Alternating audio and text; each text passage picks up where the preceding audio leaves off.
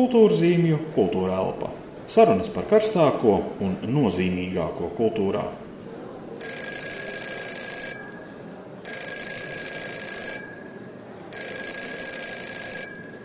Izrādes laikā lūgums izslēgt savus mobilos tālruņus. Paldies un patīkamu klausīšanos! Jūs klausāties kultūras ministrijas atbalstītā podkāsta Kultūras zīme kultūrā pa piekto epizodi, kurā es Latvijas avīzes pielikumu kultūras zīmes redaktore Anita Bormana sarunājos ar Latvijas radošo savienību padomas ģenerālsekretāru Haraldu Matuli. Haralds Matulis ir rakstnieks, filozofs un publicists. 19. gadā viņš saņēma Latvijas literatūras gada balvu kategorijā Spilgtākā debija par īsprozes krājumu vidusšķiras problēmas. Ievērojot drošības pasākums, mūsu saruna šoreiz noris attālināti Zoom formātā. Tādēļ jau iepriekš atvainojos par iespējamām ieraksta tehniskām nepilnībām. Kas īsti notiek ar atbalstu kultūrai pandēmijas laikā? Un vai šis otrais Covid-19 vilnis var nokaut radošos cilvēkus līdz sapnei? Jau otro reizi šīs vīrusa krīzes laikā gandrīz visas kultūras nozares darbība ar valdības pieņemtu lēmumu ir paralizēta. Turklāt no valdības puses arī nav ļoti skaidra vēstījuma par konkrētiem atbalsta mehānismiem. Cik, Harald, jūsuprāt, ir bīstama šī situācija kultūras nozarei, tās cilvēku izdzīvošanai, procesa nepārtrauktībai? Sveicināti! Es esmu studējis filozofiju, un tāpēc tīri personīgi es, es pieeju realitātei ar, laikam, ar nelielām prasībām. Un, ja es esmu paēdis un man ir jumts virs galvas, es uzskatu, ka es esmu izdzīvojis. Un, uh, negribēt pārāk daudz, tā ir viena no laimes formulām. Nu, tādā ziņā skaidrs, ja mēs runājam par, par Latvijas nelaimēm vai, vai katastrofām, nu, droši vien visi, kas klausās šo raidījumu, tomēr ir pēduši un ir zem jumta un nenotiek kaut kāda naturāla dabas katastrofa. Jo, jo man īstenībā, es domāju, tajā politiskajā debatē gan no politiķu, gan no mēdīju puses. Um, bieži vien uztrauc nu, šis riska narratīvs. Nu, bet kas faktiski ir vairāk kā tāda retorika, jo tu nespēji panākt neko savai nozarei, kamēr tu nesaki, ka ja vien šis netiks izdarīts, tad visi nomirs un, un viss aizies bojā. Katrs es... sabiezina krāsas, jūs sakiet, ka katrs teiktu, vairāk jā, par sevi uztraucās ka ne, un sabiezina. Ka ne tikai sabiezina krāsas, bet ka uh, ka tas jau ar laiku ir kļuvis par tādu kā dabisko, normālo izteikšanās veidu. Mm -hmm. Kad tiek runāts pirmkārt par riskiem, par lieliem riskiem un par nelaimēm, kas notiks. Bet, ja cilvēki paši tam netic, tad tur izveidojas nu, kaut kāda nobīde starp to, ko cilvēki runā un to, ko viņi domā.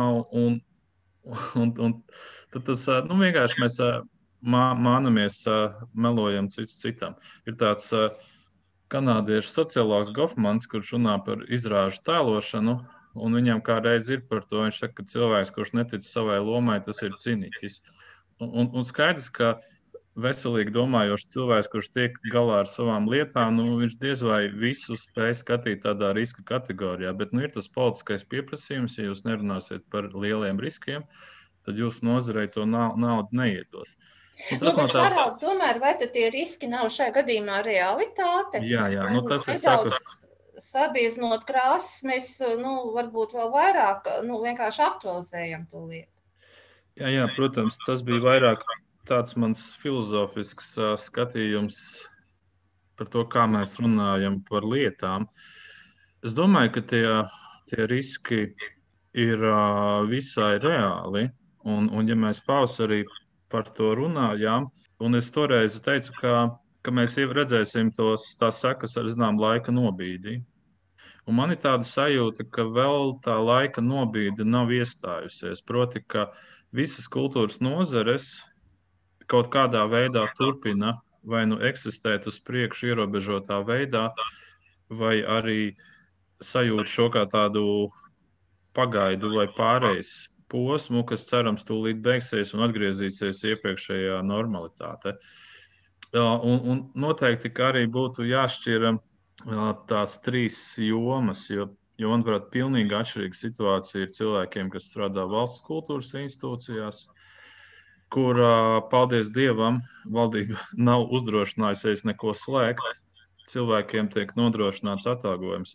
Noteikti arī tur ir liels stress, un organizāciju vadītājiem ir po lauzīt galvu, tad, kā pārstruktūrēt darbu, lai kaut kādus pakalpojumus sniegtu, nav viegli. Otra joma tas ir kultūras nevalstiskais sektors, kur teiksim, tā, tā viena daļa būtiskāko kultūras nevalstisko organizāciju, kas finansējumu saņem pārsvarā no kultūra kapitāla fonda. Tas finansējums ir saglabājies, tā situācija ir kaut kādā ziņā mazliet līdzīga kā šīm valsts institūcijām, ka finansējums ir, cilvēki turpina kaut ko darīt, bet ierobežotā veidā. Problēma sākas tām, protams, nevalstiskām organizācijām, kurām bija lielāks šis privātais finansējums, kuriem bija kaut kādi sponsori, mecenāti, ārzemju projekti, sadarbības līgumi, kur viena daļa ir ap, apstājusies vai uzlikt uz tādas jautājumas zīmes. Un, un skaidrs, ka pat ja pat ja organizācijai pazūd 20% no viņas finansējuma, tā ir milzīga problēma. Nu, ja kurš pats var iztēloties, ja jums samazina algu par 20%, tas nav tā, ka jums vienkārši samazinās par 20%. Ir jau lietas, no kurām jūs nevarat atteikties. Tas, tas ir jau ļoti, ļoti, ļoti smaga situācija. Nu, un trešā nozare, kas es teiktu pa īstam, ir Tikai ar šo krīzi ir parādījusies eh, kultūras ministrijas uzmanības lokā šī radošā industrija, jeb komerciālās kultūras sektors, jeb privātais kultūras sektors, kas uh, varbūt uh, pasākumu satura ziņā ir vairāk orientēti uz ekonomiku nekā uz mūžīgām mākslas kvalitātēm. Bet skaidrs, ka tā arī ir būtiska un organiska kultūras sastāvdaļa. Un tiem ir visgrūtāk, jo, ja visi pasākumi ir atcelti un šī pasākuma norise nodrošināja finanšu plūsmu, nu, tad, tad viņiem ir viss apstājies. Tā kā cilvēki izdzīvos, bet, bet kas notiks ar procesiem, es domāju, ka mēs tiešām to redzēsim nākamā pusgadā, gada un, un, un tādā ilgstošākā laikā. Jo viena daļa procesa noteikti izbeigsies. Latvijas radošo savienību padome visu laiku ir bijusi kultūras ministrijas partneris un arī bīstītājs nozarē svarīgo atbalsta jautājumu risināšanā. Šobrīd gan gads jau tuvojas noslēgumam. Tomēr skaidra vēstījuma no valdības par atbalstu kultūrai nākamajā gadā diemžēl nav. Kā jūs vērtējat iecerētā atbalsta potenciālu šajā smagajā laikā, ņemot vērā, ka konkrētībai par to bija jānāk līdz ar ierobežojumiem? Es redzu arī, kā kultūras ministrijā rūpējas un cenšas kaut kādus risinājumus panākt. Runājot par to noskaņojumu nozarē, droši vien viņš ir ļoti dažāds atkarībā no tā, tieši kuram jūs to pajautāsiet, bet es redzu arī gan cilvēkos, gan organizācijās tādu diezgan spēcīgu postpadomju labajā šī vārda nozīmē cilvēku mentalitāti, ka mēs esam mācējuši izdzīvot visos laikos, un mēs uh, negaidījām, ka valsts būs tā, kas mums nāks un izglābs un uz paplātes visu piens, visu klāt. Līdz ar to tas varbūt priecē, ka, ka ir, ir, ir redzams, ka cilvēki un organizācijas domā uh, paši, nevis primāri paļaujas uz valsti. Protams, gribētos, ka šis te vēstījums no valsts vienmēr būtu viennozīmīgs. Kaut vai situācijās, kad tā atbilde ir nē, lai tad ir skaidri, ka atbilde ir nē. Nevis jā, mēs par visiem rūpēsimies, un tad, kad tu beigās jautā par konkrētiem mehānismiem, tad nu, izrādās, ka tas faktiski daudziem nav pieejams. Cik liels iespējas vispār radošo savienību padomē ir bijušas ietekmēt, vismaz no ārpuses skatoties haotisko lēmumu pieņemšanas procesu? Atbalsta jautājumos. Nu, no vienas puses, pašas par to raisa apstākļus, ka joprojām tiek kāpts uz tiem pašiem grābekļiem, piemēram, saistībā ar eh, kultūra kapitāla fonda radošo personu nodarbinātības mērķprogrammas kritērijiem, kas neļauj kvalificēties tiem radošajiem, kas vasarā bija strādājuši un nopelnījuši vairāk. par 538 eiro mēnesī. Dziedātāja Agnēs Rakovska šai sakarā kultūras zīmēm, piemēram, neslēpj savas emocijas. Iznāk, ka tagad atbalstu dabūs sliņķi, kas neko nedarīja. Bet man nepienāks, jo vasarā un rudenī mēģināju kaut ko darīt. Tas ir absurds. Man liekas, tur ir vairākas lietas. Es atceros, kādreiz studiju laikā lasīju tādu tekstu sociālajā antropoloģijā, kur tika apskatīts, nu, kāpēc kaut kādā noteiktā Anglijas reģionā slimnīcās uz noteiktiem pakalpojumiem ir garas rindas. Ja? Un tādā žurnālistikas līmenī nu, tā šķiet acīm redzama problēma. Iespējams, kāda neizdarība, iespējams, kaut kas, ko vajadzētu risināt. Bet tur pētnieks patiesībā nāca klajā ar interesantu novērojumu, ka patiesībā šis rindas garums kaut kādā veidā efektīvi ļauj regulēt šo pacientu plūsmu. Respektīvi, tie, kas nebūs tik akūti, sapratīs, ka viņi negrib gaidīt divus vai trīs mēnešus uz eh, norīkojumu. Protams, tas nav kaut kas, ko jums teiks veselības ministrija vai finanšu ministrija publiski, bet es patiešām domāju, ka te pat arī speciāli tiek spēlēta šī spēle. Publiskajā komunikācijā tiek teikts, visiem ir pieejams, bet faktiski tie mehānismi tiek padarīti tik grūti, lai patiešām nu, nāktu tie, no kuriem ir jau pēdējā cerība. Mutē, smeļās. Jā, nu, bet tā bēda jau ir tāda, ka, kā jūs teicāt, var gadīties, ka tam, kuram patiešām ir tā problēma, viņš kaut kādu iemeslu, juridisku, grāmatvedisku dēļ, viņš tam vienam kaut kādam kritērijam neatbilst un to atbalstu nevar saņemt. Tad tas būtu viens. Otrs par šo valdības politiku. Uh, Un, nu, droši vien pirmkārt es ar to domāju finanšu ministrijas politiku un attieksmi, jo tā ir finanšu ministrija, kas uh, dala vai nedod finansējumu, un valdība faktiski par to tikai balso. Atcerieties, pavasarī bija tie 32 miljoni, ko beigās kultūras ministrija izcīnīja un kultūras nozarei piešķīra. Un, un līdz pat pēdējiem brīdim bija ārkārtīgi liela neskaidrība vai, vai tā nauda būs, cik liela viņa būs, vai tur būs 30 vai tur būs 10. Un, un visu šī procesa laikā mēs, kā radošais vienība padome, aktīvi sekojām līdzi, racionāli komentējām un, un sniedzām labākos priekšlikumus, kā par to vai to detaļu vajadzētu darīt. Bet beigu beigās, tāpat līdz pēdējiem brīdim, bija pilnīgi neskaidrība, vai valdība dos vai nedos. Un tad, kad iedeva, tad bija tikpat skaidrs, ka ne jau tāpēc, ka tur ir labi argumenti, bet tāpēc, ka notiek politiskā vienošanās, tagad to sauc sadarbības padomus līmenī. Es nezinu, kurš tur piecirta kāju vai teica, ka tas neies cauri.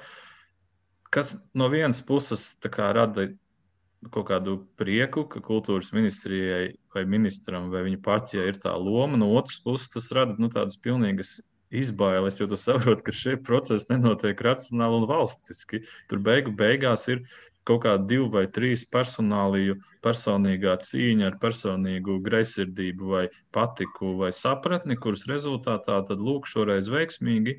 Faktiski kultūras ministrija prasīja tos 32 miljonus, tā arī līdz centam gandrīz tos 32 miljonus dabūja.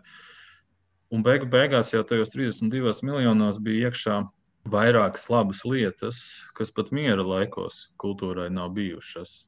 Tā kā no rezultātu viedokļa Es teiktu, tas process nebija, nebija slikts, bet, bet pats process no procesa viedokļa bija atbaidoši nepatīkams. Un kā jūs vērtējat tieši, kas no šiem 3,2 miljoniem eh, no tāda eh, pašnodarbināto viedokļa varbūt bija tas labākais, kā tā nauda tika izlietot. Nu, mēs zinām, ka problēma jau bija arī ar to radošo personu nodarbinātības programmu, diemžēl, kur miljoni šķiet laikam aizgāja atpakaļ valsts kasē, ja nemaldos. Es par šo miljonu īsti tādu nesapratu, kur tas miljons palika. Es ceru, ka tas miljons nenugluži aizgāja atpakaļ. Es vēl šodien skatījos, tur bija pēdējā konkursa rezultāti nu, labi, par to nodarbinātības programmu tas arī ir viens spilgts piemērs. Un jāsaka, ka kultūras ministrija un kultūras ministrs ir pietiekami diplomātiski un koleģiāli, un, un to, kas teiksim, neizdodas, to atbildību uzņemās uz sevi. Bet es reizē varu teikt, nu, ka es esmu redzējis ļoti labus priekšlikumus no kultūras ministrijas, kas tiek gatavot uz ministru kabinetu, kur arī jautā mūsu komentārus. Un beigās tas ministru kabinetā tiek apgaizīts, izķīdāts, un tur paliek kaut kas tāds, kur tu redz atblāzmu no sākotnējās idejas, bet tas izpildījums bieži vien ir tāds, ka, kad uzmās kā, kaut kas visi. Un, un ar to nodarbinātības programmu jau līdzīgi, jo faktiski tā sākotnējā doma bija tāda, ka jā, ir jāsniedz kaut kādā ziņā sociāls atbalsts, bet faktiski ir jāiegulda cilvēkos, lai viņi var strādāt, lai viņi var kaut ko radīt jā, šajā nodarbinātības programmā. Un bija doma par sešu mēnešu periodu, kurā tad, tad cilvēks saņem 700 eiro mēnesī, kas būtu mazliet pāri 4000. Skaidrs, ka tā ir nu, vidēji priekš radošas personas diezgan pieklājīga summa, un, un par to, to pusgadu varētu izdzīvot, ja tiešām vispārējais ir apstājies. Tas, kas notika, kad tas izgāja cauri finanšu ministrijas sietu, tika samazināts laiks uz trim mēnešiem. Summa tika samazināta no 700 uz 538. 538 tika aplikta ar saimnieciskās darbības nodokļiem, plus tika uzlikts kritērijs, ka pieteikties var tikai tie, kas eh, paiet apakšā zem minimālās algas 430 eiro mēnesī. Nu, šķiet kaut kā tā. Beigās tas pārvēršas jā, par ļoti vajadzīgu sociālo atbalstu mehānismu tiem, kas ir nokrituši līdz pilnīgai nulē. Un, un tas varbūt tā ir pirmā grupa, kas mums nāk prātā, kad runājam par to, ka ir vajadzīga palīdzība. Bet skaidrs, ka arī cilvēks, kuram ir kaut kāda saimnieciskā darbība, bet viņam tā krītas no 3000 uz 1000, viņam ir milzīgas problēmas šajā radošajā jomā. Viņam nekāds atbalsts nepienācās ne tad, ne arī šajā nodarbinātības programmas pēdējā uzsaukumā, kas tik, tikko noslēdzās ar rezultātiem. Vai nav tādas bažas, ka tie varētu būt vieni un tie paši faktiski? Nu, bažas man par to nav, jo, ja faktiski cilvēks dzīvo tik trūcīgi, tad ir labi, ka šajā Covid laikā mēs viņu varam atbalstīt. Bet es domāju arī, ka cilvēki turpina presē izteikties uh, emocionāli, bet visi ir sapratuši, ka šī finanšu ministrijā nedos lielāku naudu un nedos tiem cilvēkiem, kam vajag uh, vairāk, tiks atbalstīts minimālajā apmērā. Nu, cilvēki pietiekami gudri. Viņi mēģina saka, paņemt to naudu tādā veidā, kā viņi dod. Ja?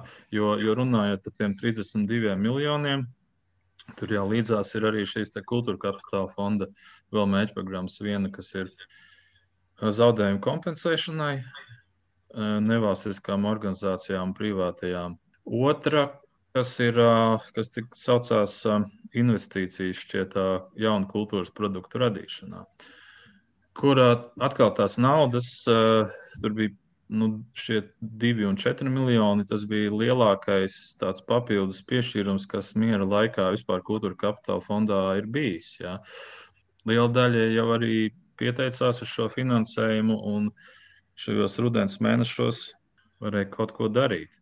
Pat, pat līdz, līdz tādiem momentiem, kad es dzirdēju, ka filmu nozarē nu, ir tas nosacījums, ka tā nauda jāiztērē līdz 31. decembrim. Ka ļoti saspringts bija grafiks, un daļai cilvēku, vismaz kamēr nebija ieviesti ierobežojumi, bija arī tiešām ļoti daudz darba un daudz projektu. Bet nu, tas atkal ir interesants piemērs, vai ne?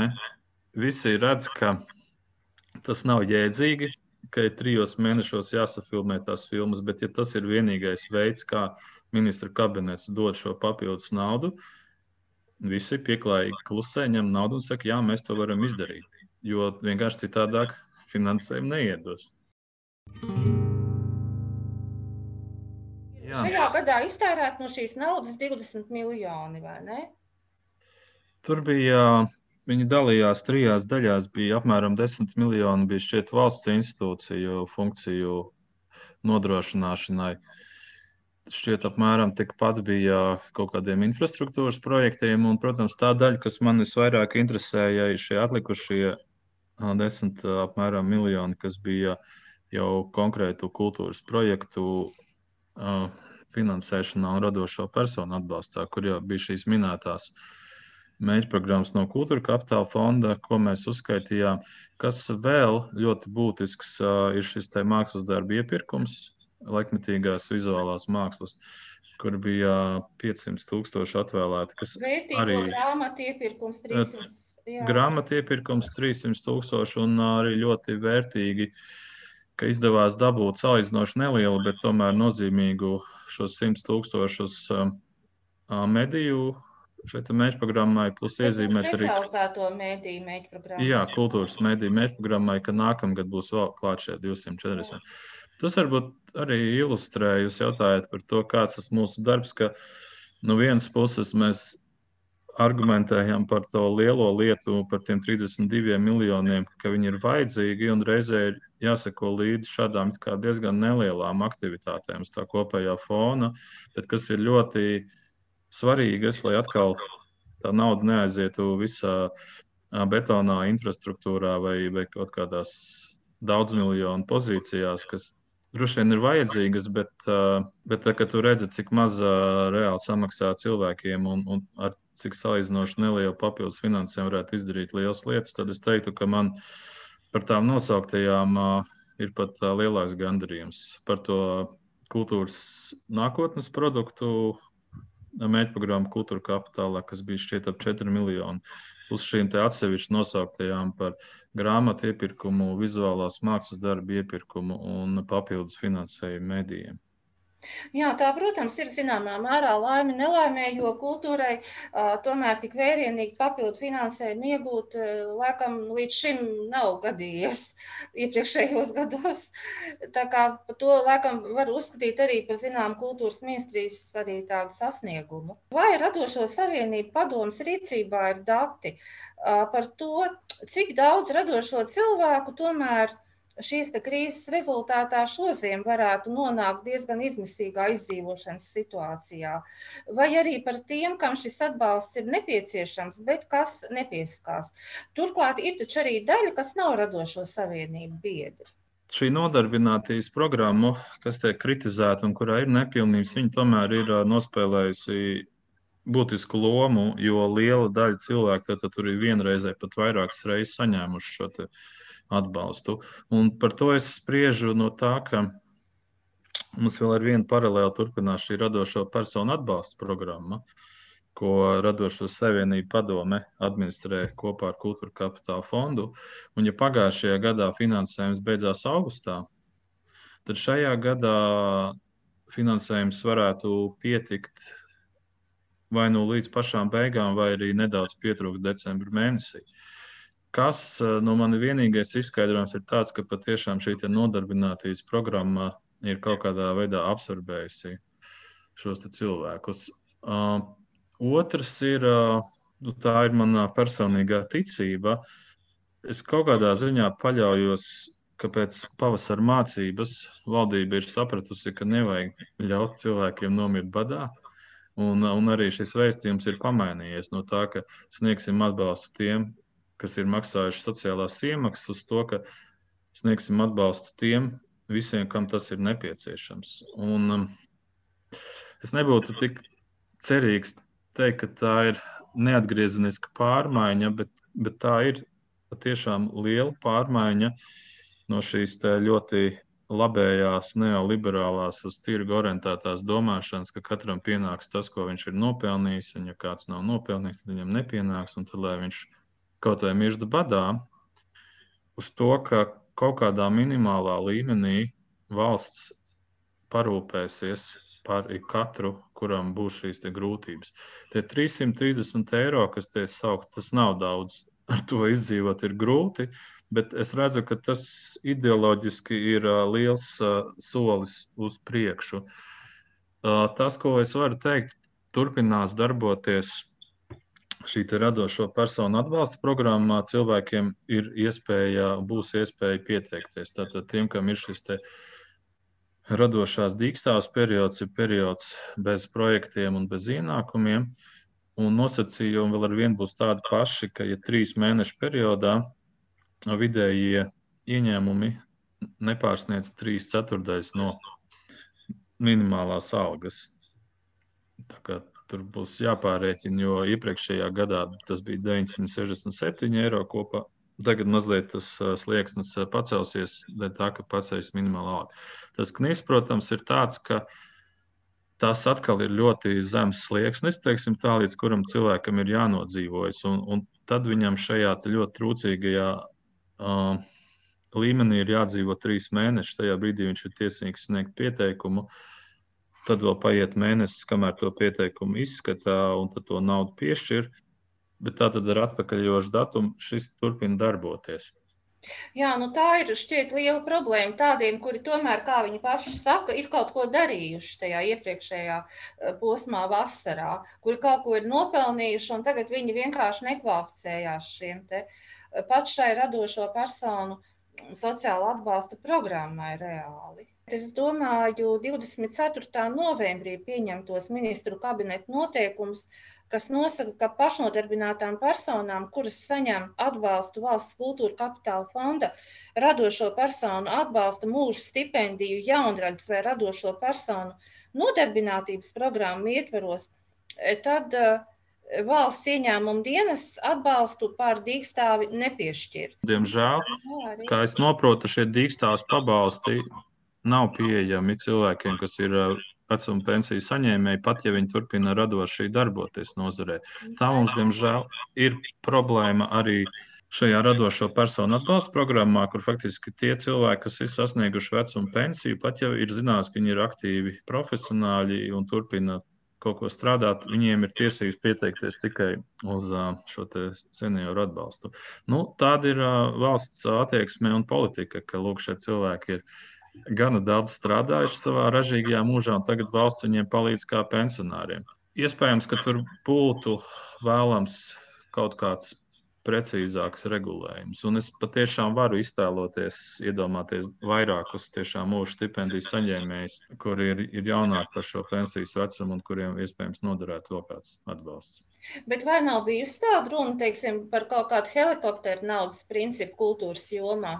Un ka vienkārši cilvēkiem šo naudu iedod, nejautājot, kur vai tu strādāji augustā vai, vai septembra sākumā, un cik tu tur saņēmi. Un vienkārši tu kaut ko saņem, lai tev ir no kā dzīvot. Jā. Helikoptera nauda izklausās slikti. Skaidrs, ka viņi izklausās slikti šiem labējiem neoliberāļiem, bet pat sociāldemokrātiem, kuriem savukārt ir šī izteiktā taisnīguma sajūta. Viņi gribētos, lai to naudu saņem vai nu par nopelniem, vai dēļ vajadzības. Un, un man liekas, ka tiešām nebūtu pareizi katram mest virsū 500 eiro vai 1000 eiro. Tāpēc, nu, vien, ka... droši vien ne, vai ne? Jā, un es teiktu, ka pieklājīgākā veidā, bet faktiski šī nodarbinātības programma bija ārkārtīgi iekļaujoša. Ja mēs paskatāmies uz to, cik grūti ir saņemt tipiskās radošās stipendijas kultūra kapitāla fondā, cik tur ir milzīgs konkurss, kaut vai vizuālās mākslas nozarē, kur ir nu, vairāk kā simts pieteikumi katrā konkursā un apmierina mazāk, varbūt kā 30% pieteikumu. Tā nodarbinātības programmā faktiski katrs, kurš parāda pazīmes, ka viņš darbojas kultūras nozarē, kurš uzraksta, ko viņš ir darījis un ko viņš plāno darīt, šo atbalstu saņēma. Tāpēc es teiktu, ka patiesībā, ja mēs atgriežamies pie tā Agnēs Rakovskas gadījuma, kur viņa mēs fantāzējam par mazliet citu programmu, kur cilvēkiem dod par nopelniem un lielākas summas un kaut kādu jau konkrētu produktu radīšanā. Tad patiesībā šī esošā nodarbinātības programma bija kaut kas tuvāk tai helikopteru naudai, bet tomēr ar izvērtējumu. Gan ar saturisko, vai šis cilvēks strādā nozarē, un arī ar finansiālo, vai viņam ir šī grūtā finansiālā situācija. Tagad pie visām problēmām šiem radošiem cilvēkiem nāk klāt arī ilgi apspriestā un diskutētā situācija ar sociālo iemaksu šīm likmēm. Cik jūsuprāt adekvāts ir šis ilgās cīņās panāktais kompromiss? Un vai radošo savienību padomas rīcībā ir dati par to, kā tas skars Latvijas kultūras cilvēkus, rakstniekus, komponistus, māksliniekus, kino profesionāļus un citus? Jā, tur ir uh, vairākas lietas. Tas ir kaut kas, par ko deputāti runā dienām ilgi, un es mēģināšu to izstāstīt piecās minūtēs un kaut kā sastruktūrēt. Jo pat man, kurš tam procesam seko līdzi, tad, kad mēs iedziļinamies ļoti konkrētā jautājumā un uzdodam šo jautājumu par labklājības ministrijas, vai finanšu ministrijas, vai kultūras ministrijas cilvēkiem, kas virza šos grozījumus, arī viņi apmulst un nezina, ko tad, ko tad īsti jaunais regulējums paredzēs. Es sākšu ar to, ko varētu saukt par pozitīvo lietu, proti, vēl pirms tam sociālām. Te izmaiņas, kas ir autora atlīdzību nodokļos. Ja līdz šim rakstnieks, proti, cilvēks, kurš nomaks, kuram attaisnota izdevuma ir 25%, pieskaitot vēl klātos 5% sociālā iemaksas, ko nomaksā darba pasūtītājs, viņš uz rokas saņēma apmēram 80% no kopējās summas. Bet vairums no tās summas aizgāja iedzīvotāju ienākumu nodokļu, un faktiski šis cilvēks palika sociāli ļoti neaizsargāts, neatkarīgi no tā, vai viņš saņem 100 eiro vai 1000 eiro. Pēc šīs reformas tā nodokļu likme palielinās, un cilvēkam, kam būs saimnieciskās darbības konts, tad būs jāmaksā 25% nodokļu likme.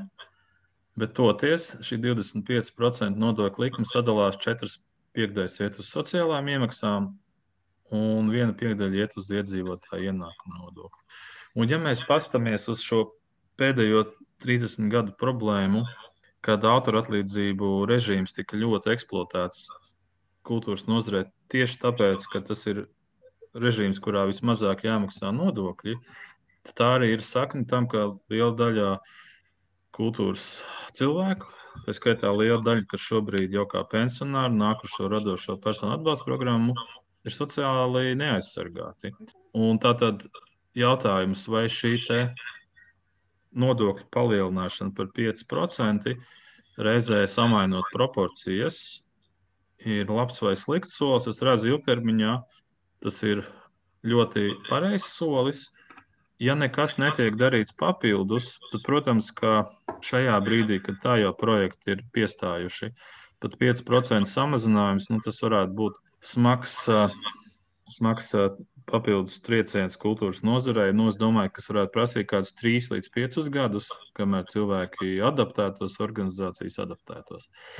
Nākamais pie tā autora atlīdzību 25% likmes ir tas, ka tām autora atlīdzībām, ja, ja vienkārši visiem saimnieciskās darbības ieņēmumiem, kas ir uz 25%, likme palielinās uz 40%. Proti, Mēs neesam vēl pilnībā apzinājuši, cik mums ir šādu te autoru, rakstnieku, komponistu, mākslinieku, kinoprofesionāļu, kas skatoties no trūcīgā rakstnieka pozīcijām, izskatās šķietam pārtikuši, bet, bet īstenībā kuriem šis varētu būt būtisks. Viņi varētu kļūt diezgan nepārtikuši nu, ne, pēc šitā. Jā, un tas ir, tas ir stāsts, ko stāstīja telnieks Kristaps Gulbis, ka ja viņam šo likmi palielina uz 40%, nu tad viņam ievērojami samazinās reālie neto ieņēmumi.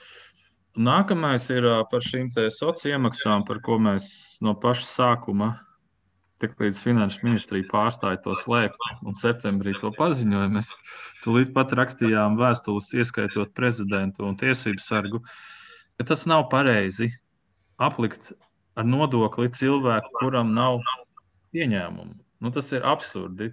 Tad, tad pirmkārt, vispār aplikt cilvēku bez ieņēmumiem ar nodokli. Jo sākotnēji ideja bija tāda, ir tev vai nav ieņēmumu, tev jāmaksā 170 eiro mēnesī sociāla apdrošināšana. Kāpēc? Lai tu būtu sociāli apdrošināts. Nu, izklausās absurdi, bet tieši šādā formā tas nāca no ministra kabineta ar finanšu ministrijas vēlējumu un labklājības ministrijas centieniem kaut kā salāgot un pamatot šo jocīgo normu. Plus tas faktiski ieviesa nevis progresīvo nodokļu sistēmu, bet tieši paredzēt, jo cilvēks ir nabadzīgāks, jo vairāk viņam ir jādod no savas naudas, lai sev sociāli apdrošinātu. Ko īsti finanšu ministrija gribēja, mēs varam minēt. Es domāju, ka viņi īpaši arī nepārdzīvo, ka tika pieņemts šis mīkstinātais variants, jo nu, Man ir grūti noticēt, ka viņi patiešām gribēja aplikt ar 170% iemaksām cilvēks, kam nav naudas. Protams, tur ir kaut kur fona arī šis finanšu ministrijas fantāzija, ka nevar būt cilvēki, kas saņem tik maz. Viņi noteikti krāpjas. Viņi nu, kaut kur saņem. Ja nevar, tad jāiet pie ārsta. nu, jā, viens no diviem. Tātad tas, kā tas šobrīd ir atrisinājies, ka tiem pašnodarbinātajiem, kuriem nesavācās 500 eiro, tiem ir jāmaksā 10% likme. Kā es saprotu, tad tiem, kam ir virs 500 eiro ienākumi, tiem ir jāmaksā pilnā pašnodarbināto likme, kā tas bija līdz šim. Tātad nekas šiem cilvēkiem nemainītos. Tas, kas ir mazliet neskaidrs, ir, vai tie, kas veic šo saimniecisko darbību un kam ir saimnieciskās darbības konts ar 25% fiksēto likmi, gadījumā, ja viņu sociālās iemaksas nesasniedz 170 eiro, vai viņiem ir pienākums piemaksāt? Un, ja piemaksā, tad ko starpību līdz 170 vai 10% no starpības. Nu, redziet, es tagad stāstu, man jau pašam ir grūti pat noformulēt, bet, bet tie ir jautājumi, uz kuriem, tad, kad tu jautā pat tev speciālisti, kas to virza, nemāk skaidri atbildēt.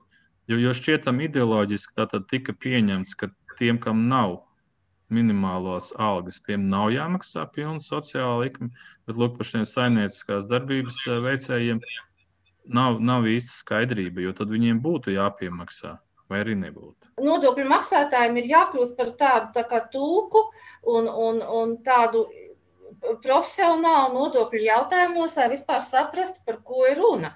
Lai, lai pildītu šo savu pilsoņu pienākumu. Bet otrā lieta, kas man arī šobrīd rada jautājums, vai šie sociālā nodokļu maksātāji tādā gadījumā saņems pilnu pakalpojumu grozu, tā skaitā arī, piemēram, bezdarbnieku pabalstu. Tā laikam nebija paredzēta šī nianse. Nu, tā ir problēma. Un tā problēma netiks atrisināta. Proti, cilvēks, kurš ir pašnodarbināts, skaitās, ka viņš pats par sevi ir atbildīgs. Nu, piemēram, ja jūs esat normāls darba ņēmējs, jūs pazaudējat darbu, jums pienāks bezdarba pabalsts. Bet, tā, kad jūs esat pašnodarbinātais, tad jūs visu laiku funkcionējat kā divas personas. Jūs esat pats sev darba devējs, pats sev darba ņēmējs. Un tad jūs varat teikt, oh, es darba ņēmējs pazaudēju ienākumus. Un tad jums jādodas pašam pie sevis kā pie darba devēja un jāsaka, darba devēja palīdz man. Nu, faktiski nav.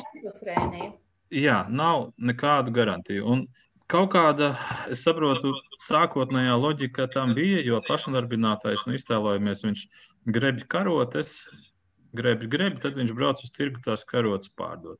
Nu, varētu jautāt, nu, kāds viņam bezdarbs, tad, kad viņš ir slings, tad viņš negrib karotes, un tad viņš nebrauc uz tirgu. Un, ja viņš gribētu strādāt, viss būtu kārtībā. Bet nu, skaidrs, ka nav jau tik vienkārši. Un, un sevišķi kultūras nozarē lielākā daļa šo, kas ir reģistrēti kā pašnodarbinātie, viņi ir nevis mazi uzņēmēji ar, ar milzīgām ambīcijām, augt par lielākiem startupiem, bet tā iemesla dēļ, ka viņiem nav iespējas kļūt par darba ņēmēju, ja viņi spiesti reģistrēties kā saimnieces darbības veicēji un strādā dažādos projektos, īslaicīgi uz mēnešiem, uz pusgadu, uz gadu. Un tajā brīdī, kad viņiem tas projekts izbeidzās, viņi faktiski nokļūst šajā bezdarba situācijā.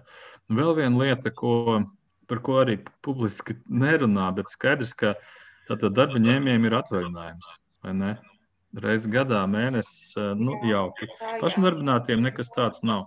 Otra lieta, ko es arī esmu dzirdējis privātās sarunās, ka nereti tie darba ņēmēji izmanto bezdarbā pabalstu faktiski kā tādu iespēju ilglaicīgam atvaļinājumam. Ne visi cilvēki tā dara, bet, bet tāda praksa arī pastāv. Cilvēki saprot, nu, es tagad maijā iešu prom no darba, nu, un man būs kāds trīs mēnešus bezdarba pabalsts. Jā, viņš to ir nopelnījis, jā, par viņu ir veikts sociālās iemaksas, bet tad mēs nonākam pie tā, ka pašnodarbinātā likme līdz šim bija 32%. Faktiski viņš maksā sociālās nodokļus gandrīz tikpat, cik normāls darba ņēmējs.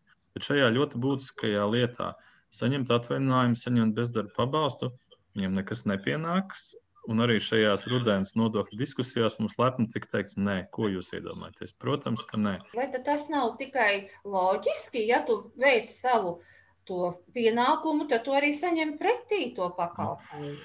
Man varbūt izdevās ļoti pārliecinoši izstāstīt, bet nu, nē, no, no Labklājības ministrijas, no Finanšu ministrijas puses tas izklausās tā, ka cilvēks ir pašnodarbināts. Uzmē, kad viņš grib, tad strādā, kad grib, nestrādā. Uz viņu nav attiecināts bezdarba risks. Hm.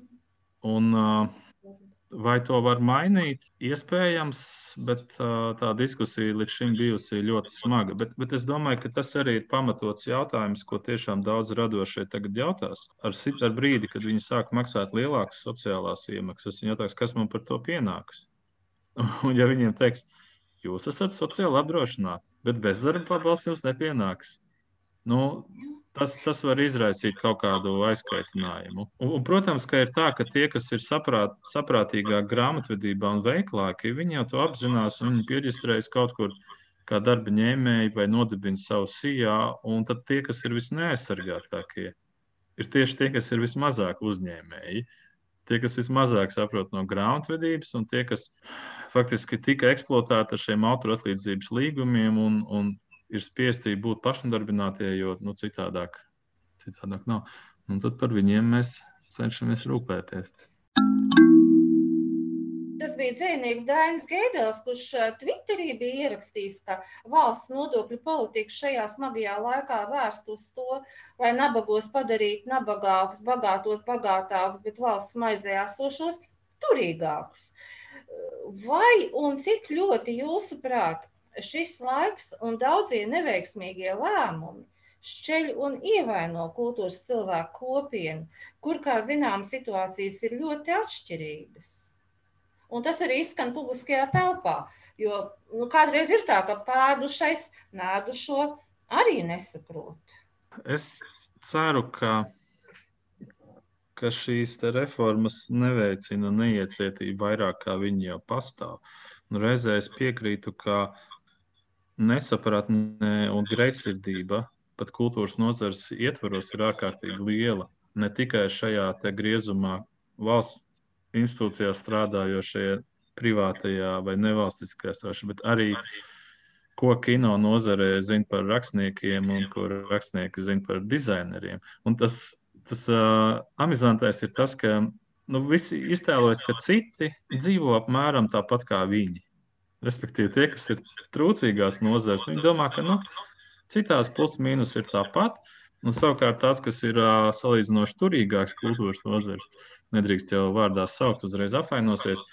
Tās arī domā, ka tieši viņām iet vissliktāk, un ka citi dzīvo apmēram tikpat uh, trūcīgi, un ka faktiski katrs, kurš strādā, beigās nokļūst pie, pie, pie turības.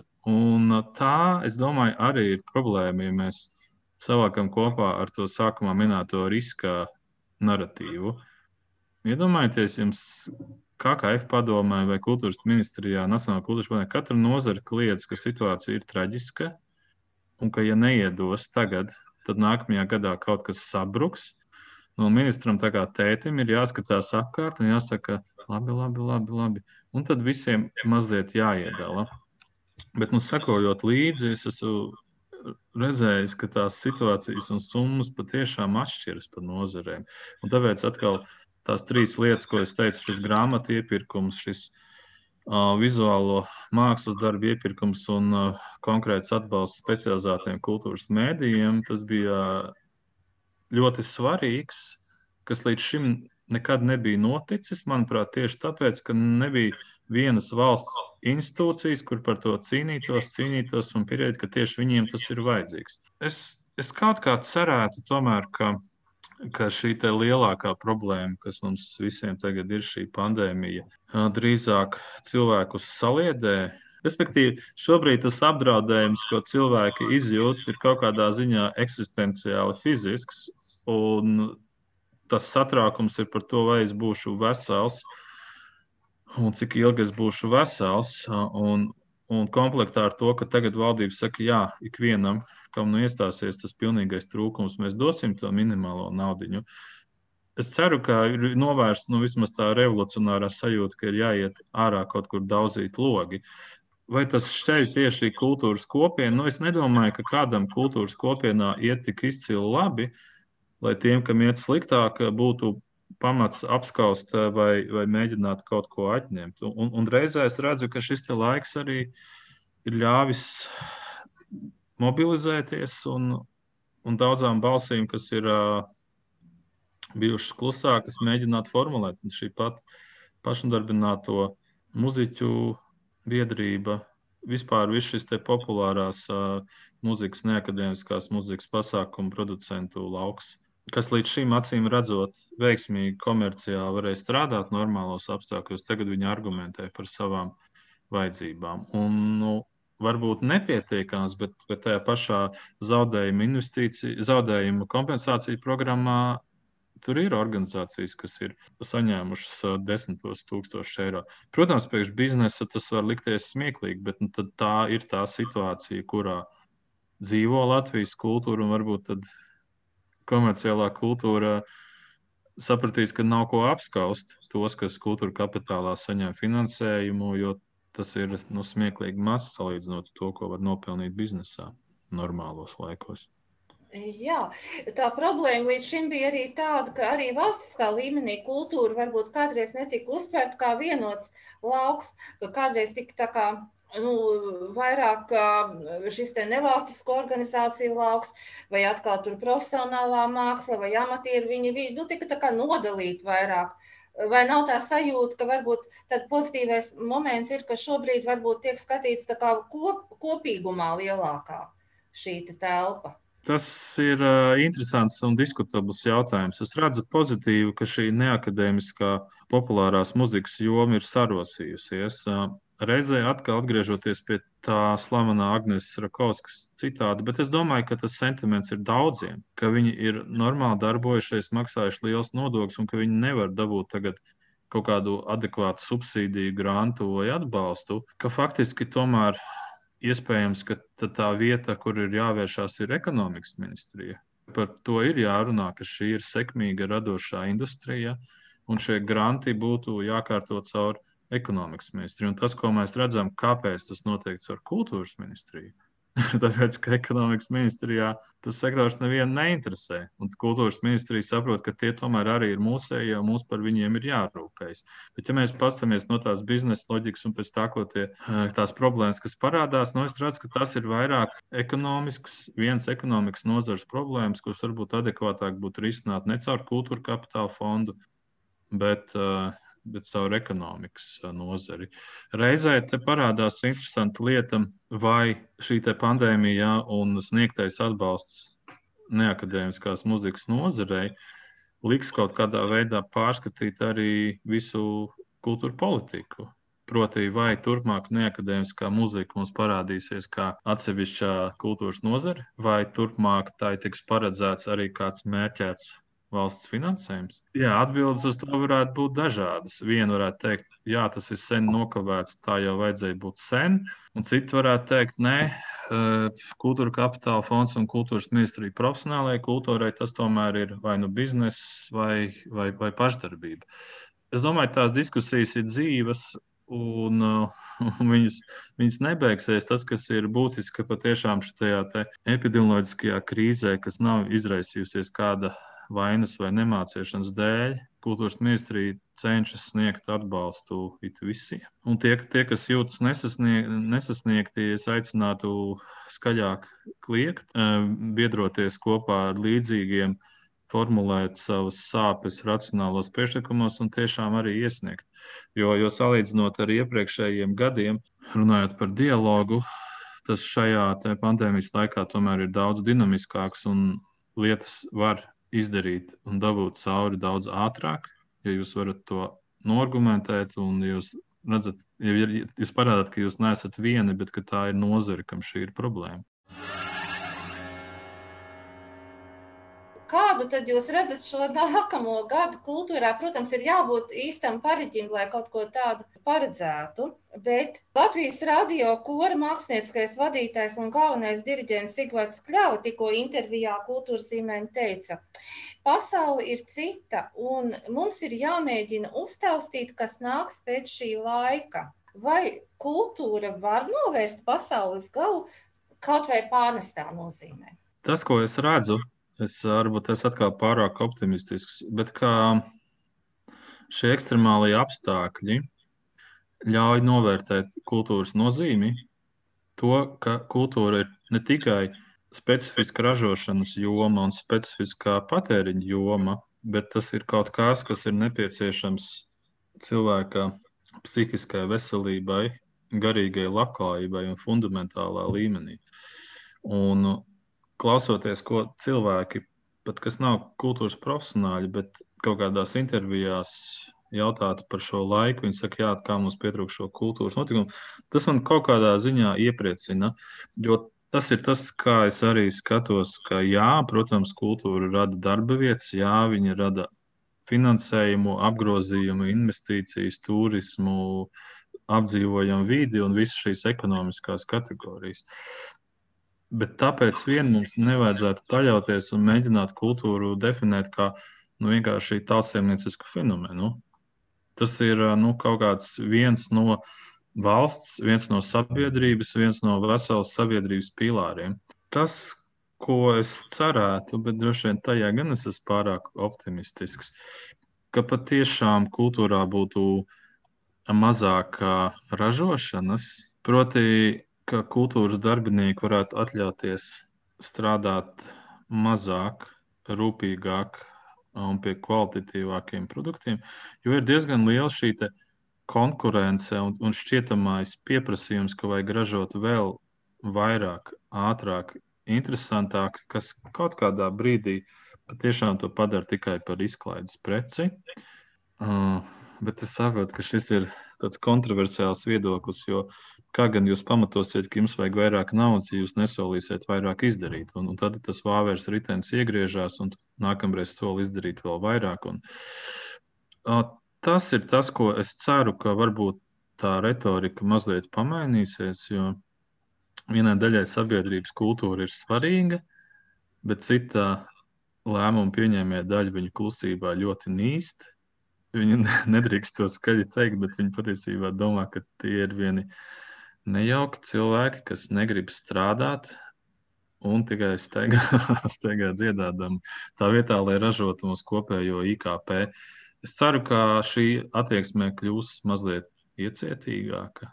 Bet varbūt es esmu pārāk liels optimists šajā. Tiešām jācer, ka jaunais gads kultūrai nebūs tik traumatisks kā šis 2020. Un nāks tiešām ar jaunām cerībām un jauniem uzsākumiem un jauniem veikumiem. Sirsnīgs paldies jums, Harald, par sarunu. Paldies jums! Izrādes beigas.